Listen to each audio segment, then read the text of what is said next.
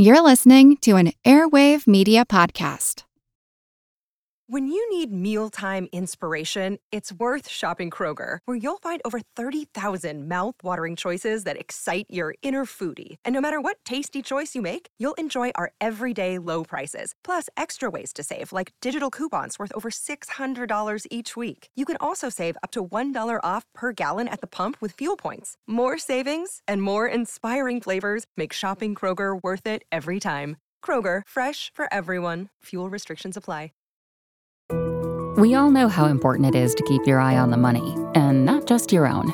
Stay on top of the latest financial and market news with Yahoo Finance, a podcast that releases new episodes almost every day. You'll hear a brief overview of the biggest news in the financial world, all in three minutes or less, right after markets close. Check out Yahoo Finance wherever you get your podcasts. That's Yahoo Finance wherever you get your podcasts. This is Kick Ass News. I'm Ben Mathis.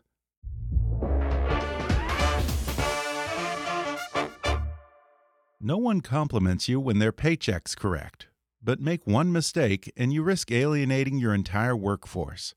Kronos makes sure your payroll is done right the first time, from punch to paycheck. With embedded checklists and simplified workflows, Kronos is your single source of truth. With Kronos, you get HR, payroll, talent, and timekeeping in one unified system, all with a proven implementation approach and simplified, transparent pricing. Learn more at kronos.com/payroll. Kronos, workforce innovation that works. And now, enjoy the show. Hi, I'm Ben Mathis. Welcome to Kick-Ass News. Bill Campbell might be the most important football coach you've never heard of. He spent a dozen years of his life coaching the Boston College Eagles and the Columbia Lions through one disappointing season after another he never won a bowl championship, and he's not enshrined alongside Bobby Bowden and Bear Bryant in the College Football Hall of Fame. But after retiring from football, he took the lessons he learned on the field and moved to Silicon Valley, where he achieved a stunning track record of success as a different kind of coach, playing an instrumental role in the growth of companies such as Intuit, Google, and Apple and mentoring many of the tech industry's greatest visionaries, including Jeff Bezos, Marc Andreessen, Larry Page, Sergey Brin, Sheryl Sandberg, Steve Jobs, and Eric Schmidt. Eric Schmidt met with Bill Campbell every week for 15 years while he was chairman and CEO of Google and then executive chairman of Google's parent company, Alphabet. And now he's distilled some of Campbell's most important lessons into a new book titled Trillion Dollar Coach the leadership playbook of Silicon Valley's Bill Campbell. And on today's podcast, Eric reveals how he initially reacted when venture capitalist John Doerr told the newly minted CEO that he needed a coach, how Coach Campbell helped shape the relationship between Eric and Google founders Sergey Brin and Larry Page, why Campbell initially refused Eric's invitation to join Google's board of directors, and how he talked Eric out of resigning as Google's CEO way back in 2004. Eric says Campbell wasn't just another executive coach, he coached the whole team and discusses the importance of trust and even love to a team's success and ultimately the company's bottom line. He shares some of Campbell's secrets for handling difficult personalities, or the aberrant genius, as he liked to call them, and sheds some light on Campbell's longtime friendship with one of those aberrant geniuses, Apple's Steve Jobs. Then Eric opens up about his decision to step down as chairman of Alphabet in 2017 and his next big bet on the positive potential of artificial intelligence. Plus, why starting off a meeting with a little polite chit chat isn't a waste of time and the power of hugs in the workplace. Coming up with Eric Schmidt in just a moment.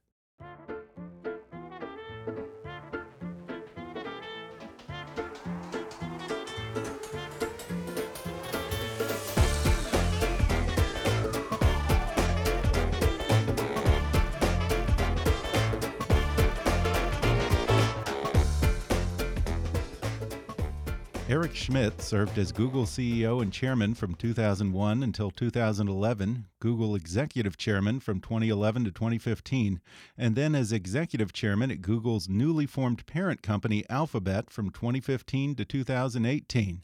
Now he's reteamed with Google's Senior VP Jonathan Rosenberg and Google Director of Communications Alan Eagle to write a book about the man without whom he says Google wouldn't be the company it is today. The book is called Trillion Dollar Coach The Leadership Playbook of Silicon Valley's Bill Campbell.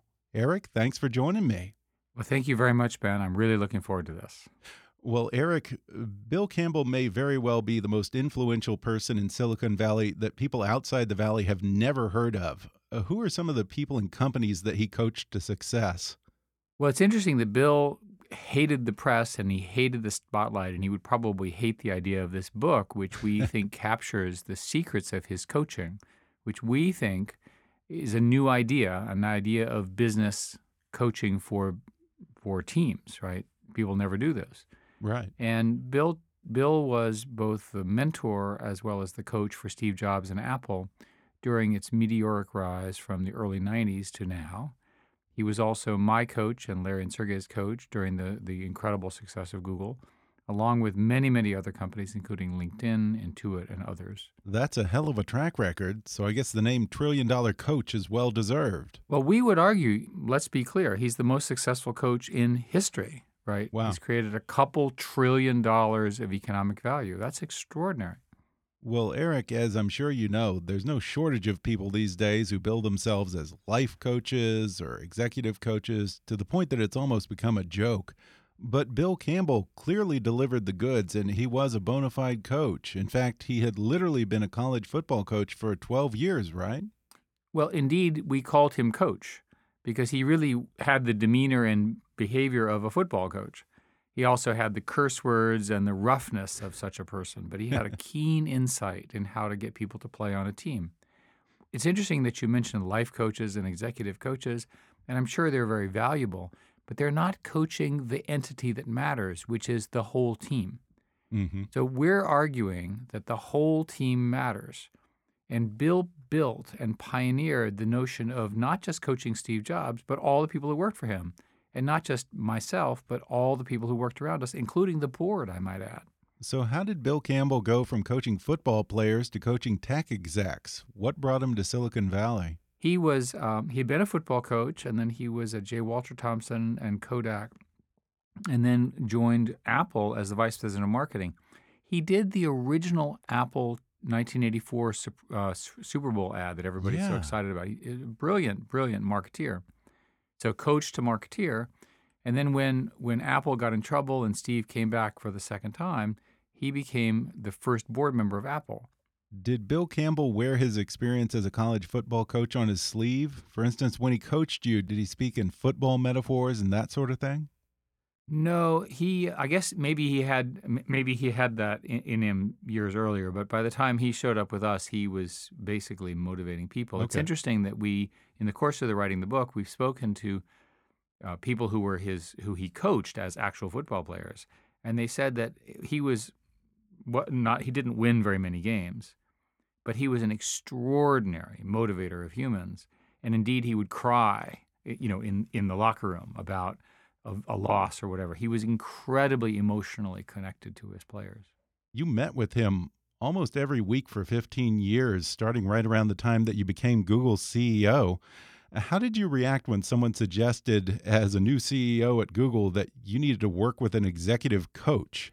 Well, I thought it was the stupidest idea ever. I mean, after all, here I am. I'm a very successful executive. I've done, I know everything. I've done everything conceivable, especially compared to the young people that I'm working with. I'm so so much more experienced than them.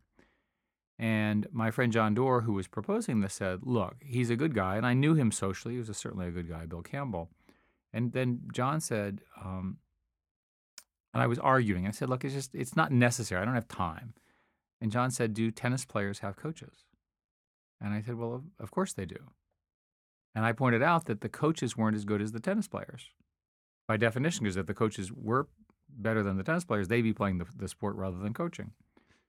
And mm. Bill, and then John said, It's a different skill, Eric. The Campbell skill, the Bill Campbell skill, is a different skill than the one you are developing.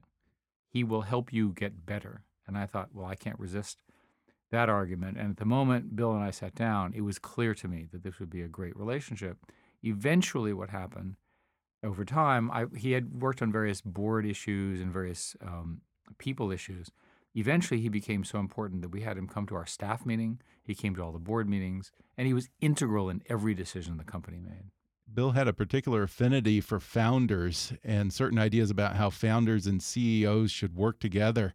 Uh, how did that shape your own relationship with Google's founders, Larry Page and Sergey Brin? I think it had a huge, really, a huge impression on me. Um, Bill's view, which is also my view, is that the founders are very special. They need they need to be treated with with great respect. Uh, both he and I believe that founders deserve the respect for founding the company and also the respect for getting their judgment right, especially on hard Mm-hmm. issues. There are lots of people who disagree with that. They think that somehow you should bring in professional management and so forth. But we believe, and in particular Bill believed, that it's better to work with the strengths and weaknesses of the founders because there's something special about them. And everything we did was around that. So, in particular with Larry and Sergey, they had enormous strengths. And if there were things they didn't want to do weren't particularly experienced in, I would do those. Mhm. No problem. You credit Bill as one of the people most responsible for Google's success, and you also say that he's the reason you didn't resign from Google when the board asked you to step down as chairman and remain as CEO in 2004 ahead of the IPO. How did he convince you to stay on through that period? Well, of course, this was a long time ago, but I think it illustrates the trust. Um, there was a complicated transaction involving board governance, and it was agreed that I would remain as CEO, but I shouldn't be chairman. And I, I this hurt my feelings. This was literally just vanity and pride on my part. And I was so upset. I called up Bill and said, "I'm quitting. This is stupid. Right? This is the wrong thing." And Bill said, listened to me for a while and said, "I really think this is a terrible mistake." And so we chatted the next day, and he said, "Look, this is a I think this is a mistake, and I agree with your arguments. You're doing a fine job. I'll fix it." And that was the thing I needed to hear to calm down enough to say, "Okay." Now he didn't say when he said fix it what he was going to do. He didn't say I'm going to call this person or I'm going to file this complaint or I'm going to hire this person or what have you. He just said I'll fix it. So here's a case where the trust mattered a lot. Had he not been there, I might have done something really, really stupid and not in my own self interest. And it was my ego, my pride, my vanity. So what I like about that story is first, he saved me, right? none, none of this other stuff would have happened had I done something so stupid. But it's a good illustration of how somebody who's in a fantastic situation, in my case, could make have such poor judgment in in this moment that the rest that the rest is history. Yeah. And, and and he we have other stories in the book of, of other situations where somebody got upset or kind of mm-hmm. out of line. This is the case where I got out of line, and he figured out a way to ro- reel them in. And here's how he did it: his basic goal was to fight for the team. If you were part of the team and the stuff that you were doing was consistent with the team, he wanted you on the team and he wanted you focused on the team. And if you were dealing in your own, whether it's arrogance or self pity or what have you, such as in my case, he would figure out a way to get you back onto the team. Silicon Valley is full of brilliant but difficult and sometimes egotistical personalities, or what Bill Campbell would call the aberrant genius. Uh, how did he manage them? What's interesting is do you think that that's also true of football teams? Of course Sure. it is. Right? It's also true of basketball teams. It's true of people in the media industry and so forth. Many of these industries have these sort of high, um, high skills, high ego kind of people, and they require a special skill. And that skill is to listen to them and to help shape where they're going. They don't respond well to being yelled at, at least not directly um, and they they care and they have a pride for what they do. Bill's coaching mechanism was to figure out what the person cared about, make sure they thought that he thought they were really good at it, and then as they got better and made mistakes, he would help tune them. Hey, you did a great job there, but you could have done this other thing better. And the person says, "Yeah, you know, maybe that's right." Mhm. And then they self then they self program to be better. There's no better example than his friendship and mentorship of Steve Jobs. Campbell was one of the few people who stood up for Jobs when he was pushed out at Apple, and the two of them took these long walks and had deep conversations just about every day. And Campbell visited Steve Jobs in the hospital constantly toward the end. What was that relationship like, and what do you think they saw in each other? It was about as close as to two, as two humans can be. Um, Steve was a difficult person. Um, he was often loud, often pushing, and so forth. But people, but totally brilliant. We miss him terribly. Enormous respect from people who dealt with Steve. And during the beginning of Steve's illness through his death, Bill was pretty much at his side along with his wife and, and family. And so, for all the critical decisions, initial hospitalization, the eventual transplant, and so forth, Bill was his, his sort of advisor. What's more important is at the same time, Bill was also coaching in the same manner I'm describing all the Apple executives. So, his relationship with Steve, which is highly intimate in the sense of his medical situation and so forth, also allowed him to understand what Steve wanted and help keep the company together during an enormous difficult, enormously difficult time. Bill Campbell served on the board of directors of Apple as well as Google, but I guess he really didn't like being on corporate boards. Why not? Did he see the roles of coach and board member as somehow being at odds? Well, what's interesting was he refused to get on our board. Oh, really? He also refused he refused any compensation. When I met him, which was in roughly 2000, he said he'd made enough money. He didn't want any compensation. You got I said you got to be kidding. He said, "No, no, no, I'm giving back." And I said, "Well, don't you want to be on the board?" And he said, "If I were on your board, it would prevent me from doing what I want to do." Really? He saw himself as a coach of the board, a coach of me, and a coach of the management team. He didn't want to be conflicted to be any one of us. He wanted to work with all of us equally. I believe you did finally convince him to join Google's board of directors. What was he like in a board meeting? What's interesting about Bill is that he very seldom said anything in group settings. So he would observe. And every once in a while, whenever when the sort of energy in the room would go out, he would do what we now know was his signature, which is he would do a percussive clap, five claps. and the idea of this was to sort of shock everyone to smiling and get the energy in the room in the room up. And you know, it seems bizarre, but here you are in a corporate board meeting, it's all very serious, and then this guy's clapping. he knew how to get people excited and motivated. In private, however, he was very verbal, very aggressive with what you needed to do. So he would talk to the board members ahead of time and give them a heads up and give me a heads up and so forth. And in the board, he would observe. I think that you say that he had a very direct manner in one on one meetings. And I think one of his mottos was I don't take cash, I don't take stock, and I don't take bullshit. that's correct. And uh, indeed, one of the things that's interesting about him is he never liked, he was very, very sensitive to people who would mislead him. So if he thought that you were not telling him the full truth, he would very, he was very rough on you. Really? You had to be straight with him. You had to be honest with him. And in return, he was honest back.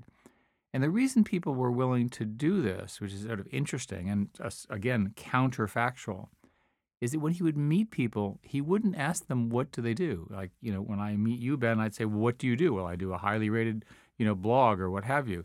You know, he wouldn't say that. He'd say, "Ben, tell me about who you are. What's your family like? Where do you live? What are you worried about?" And he would build trust. And then at some point, he'd say, "Oh yeah, yeah, tell me about your show. Tell me about your work." And then at some point, he'd come back and say, You're the best in the world at what you do. And then after that, he'd find some failing and say, You didn't do that as well as you could. Notice the coaching? Yeah, he builds, interesting. It, it, this is the algorithm. He's he builds trust. He works with you. He becomes a friend, at least a professional friend. In some cases, a, an even closer friend. Then he sort of builds you up. You know, you're the best quarterback ever, except that you missed the last seven passes. What's wrong? And that he would find a way to sort of ingratiate you, but then also to improve you. The key thing about coaching that I did not understand until now is that coaching is about coaching you to be your best and to believe in yourself, as opposed to managing, which is what are we doing, who are we doing, who's doing what. Mm-hmm. Different skills. We're going to take a quick break, and then I'll be back with more with Eric Schmidt when we come back in just a minute.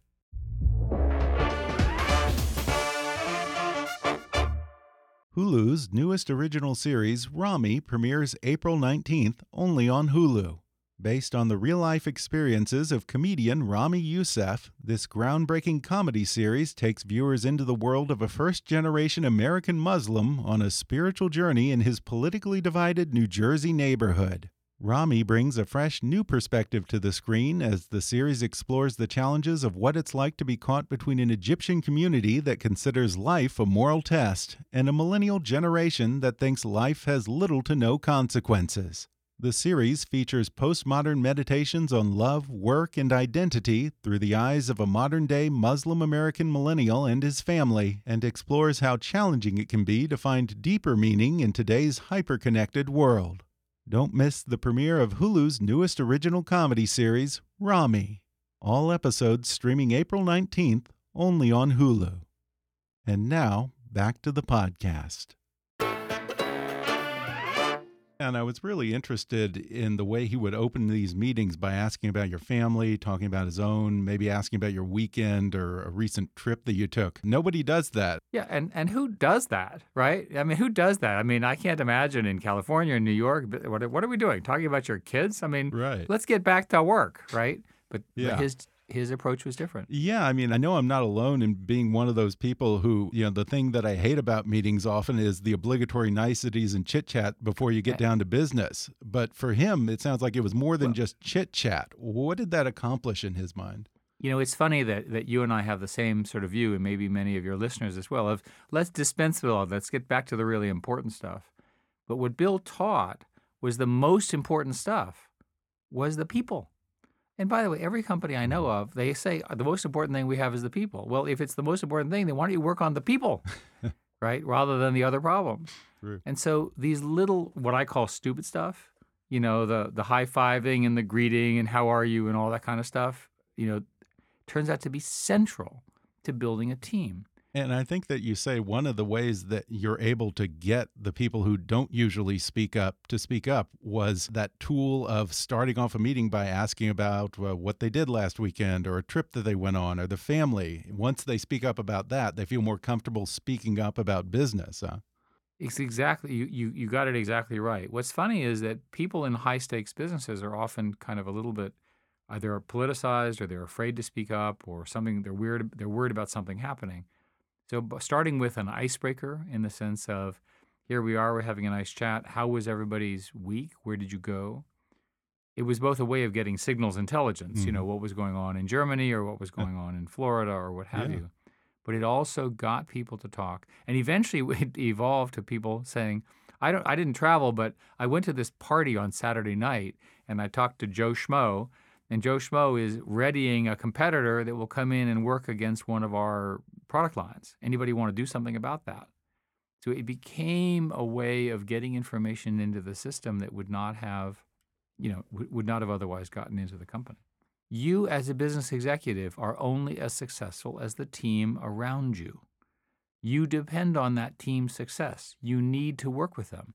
Well, Eric, I'd like to go back to this idea of the coach of teams as opposed to the typical executive coach. That strikes me as particularly significant because executives come and go, and Bill could spend his time coaching one CEO who then might leave the company just a year later. Where's the value in that, you know? But if he's coaching the company, he's creating a culture that persists regardless of executive turnover, trends, downturns, and all of the ephemeral stuff. And in fact, what the argument we're making in the book, which we're trying to popularize, is that the coach of teams idea is one that's never discussed, and yet it's the most important one.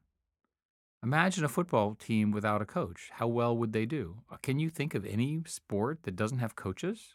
What do they just self-assemble and run up and down the, the, the, the you know the court or what have you? Yeah, it doesn't make any sense. Right. And yet in business, we naturally adopt these structures without any kind of coaching. We have minimal management training.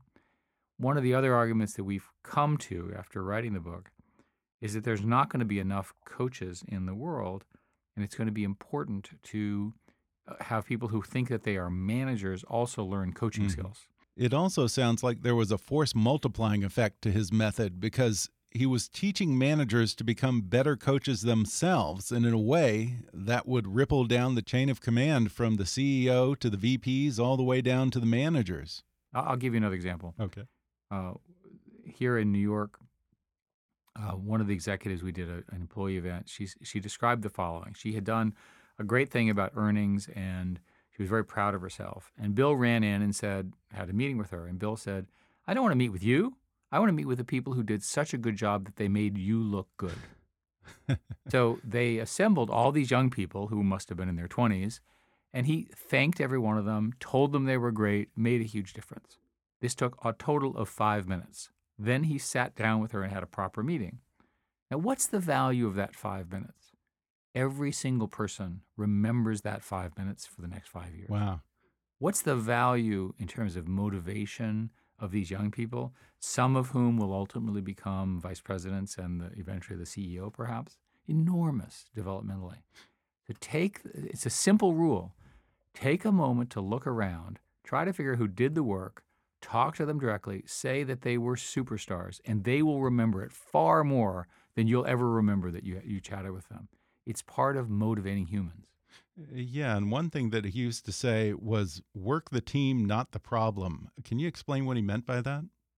He had a core idea that it was more important to work on people than the problem.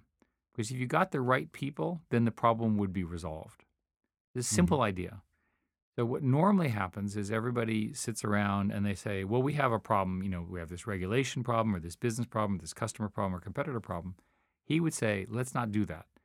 Who are the smartest people to tell us what to do here? Let's assemble that subgroup and have them come back after due deliberation and make a thoughtful response." So you see, even in a case where there's a business problem, he would say people first, not business problem first. In all Hmm. businesses I know, it's the inverse. They debate the business Mhm. problem forever. Right. Rather than saying, don't we have some people who, who really understand this stuff who can come back with a sort of something for us to de debate and decide about? And when it came to decision making, apparently Bill did not like the word consensus. Uh, No. he believed in what you call the throne behind the round table. How does that work? Is that like the the first among equals or what? He articulated in the following way.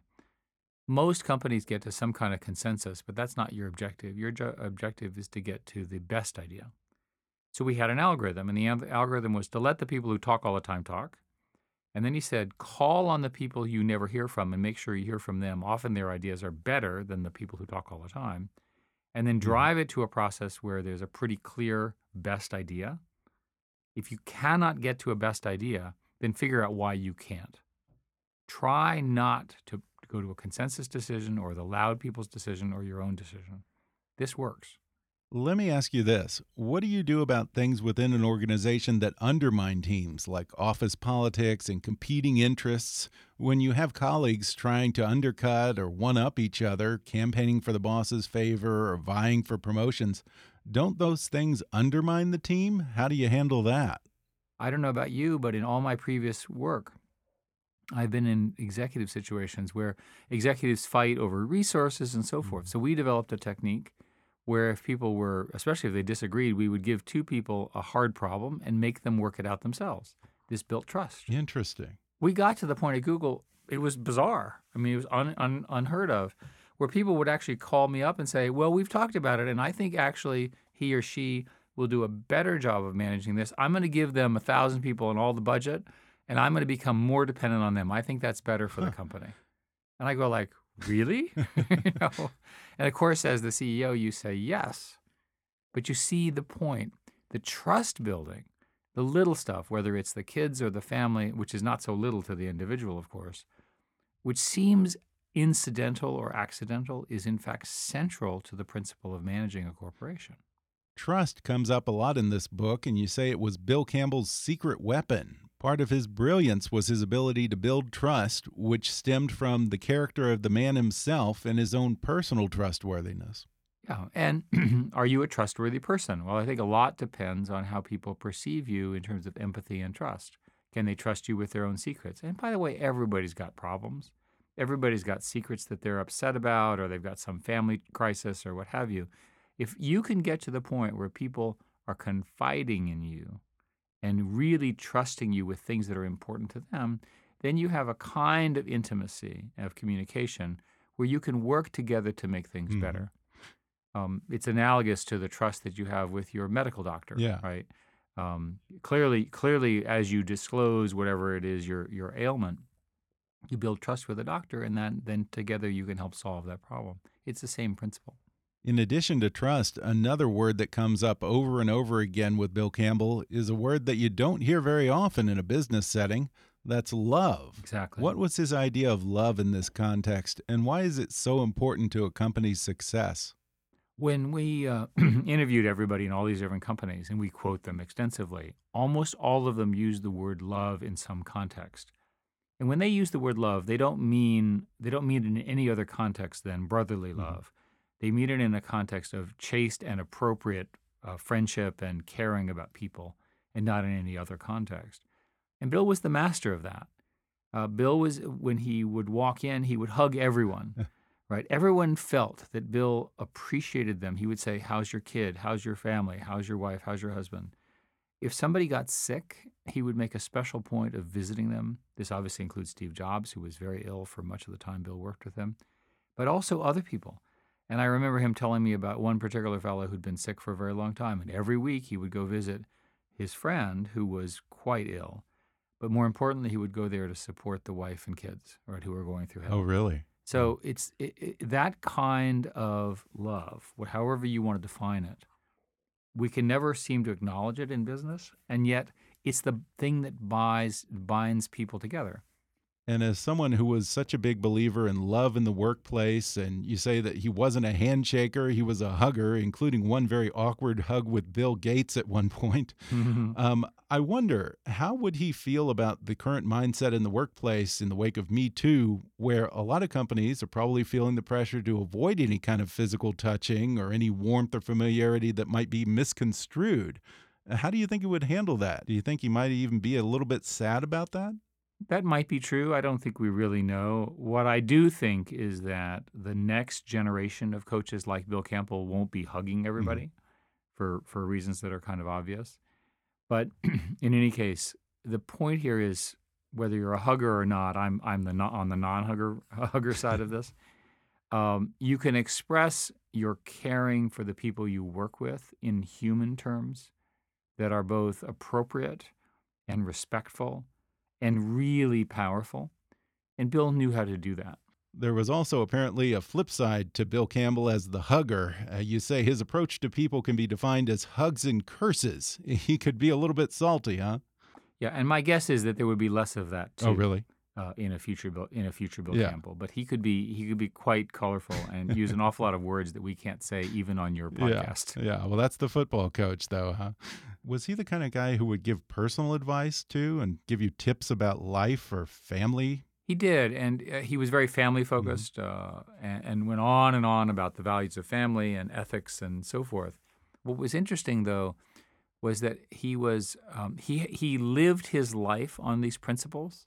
So it was as if he didn't have to give you the advice; he just had to exemplify goodness. Huh. So he he he believed in in strong values. He uh, so a whole bunch of politicians, for example, he didn't like because he thought that they were manipulative. So he said, if I met with one, he'd say, "Oh, that's a waste of time." So again, he was he was very consistent in his worldview and values.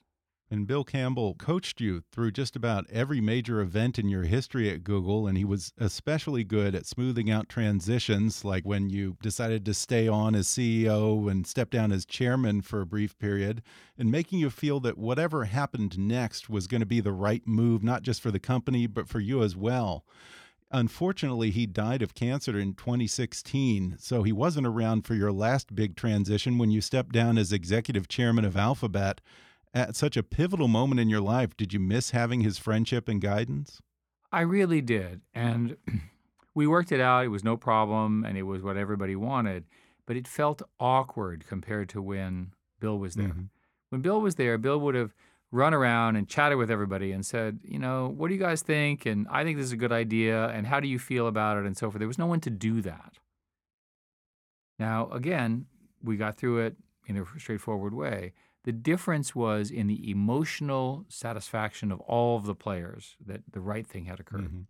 And now that you've left Alphabet, do you see yourself following in Bill's footsteps, writing books like this and coaching teams? What's the next step for you?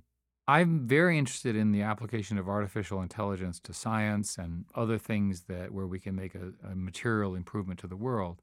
I'm also very interested in proposing that this notion of coaching and be combined with leadership. So I'm going to be working on both problems now. And this book is a debut of that activity for me.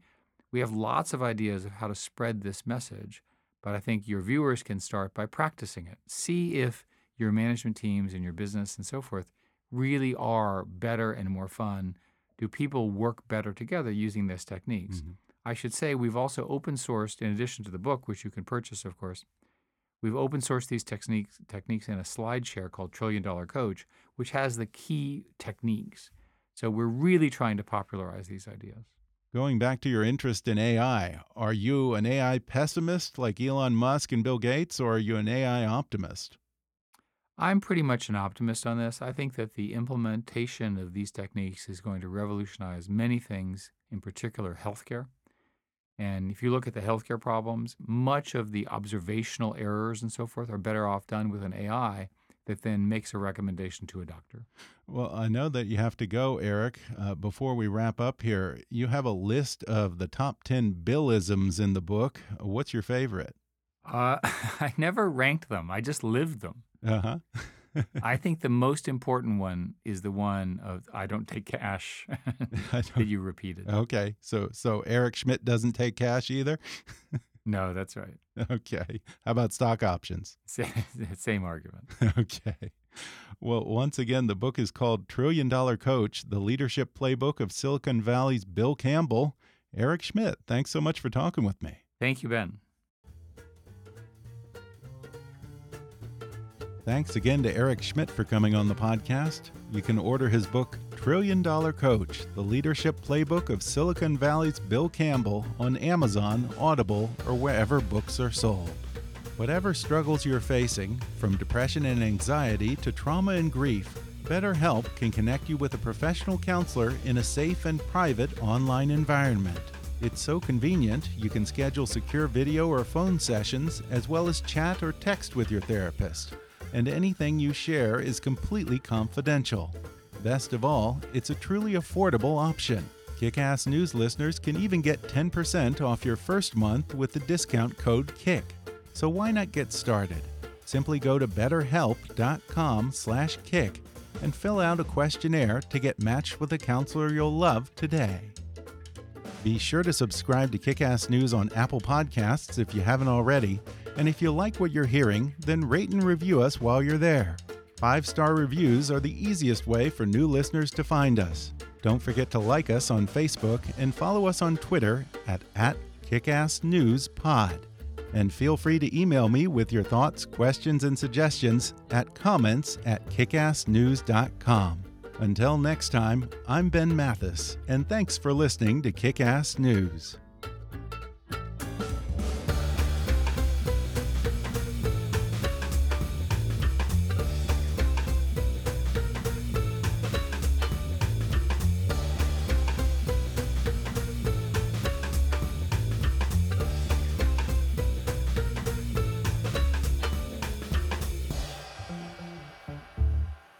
Kickass News is a trademark of Mathis Entertainment, Inc.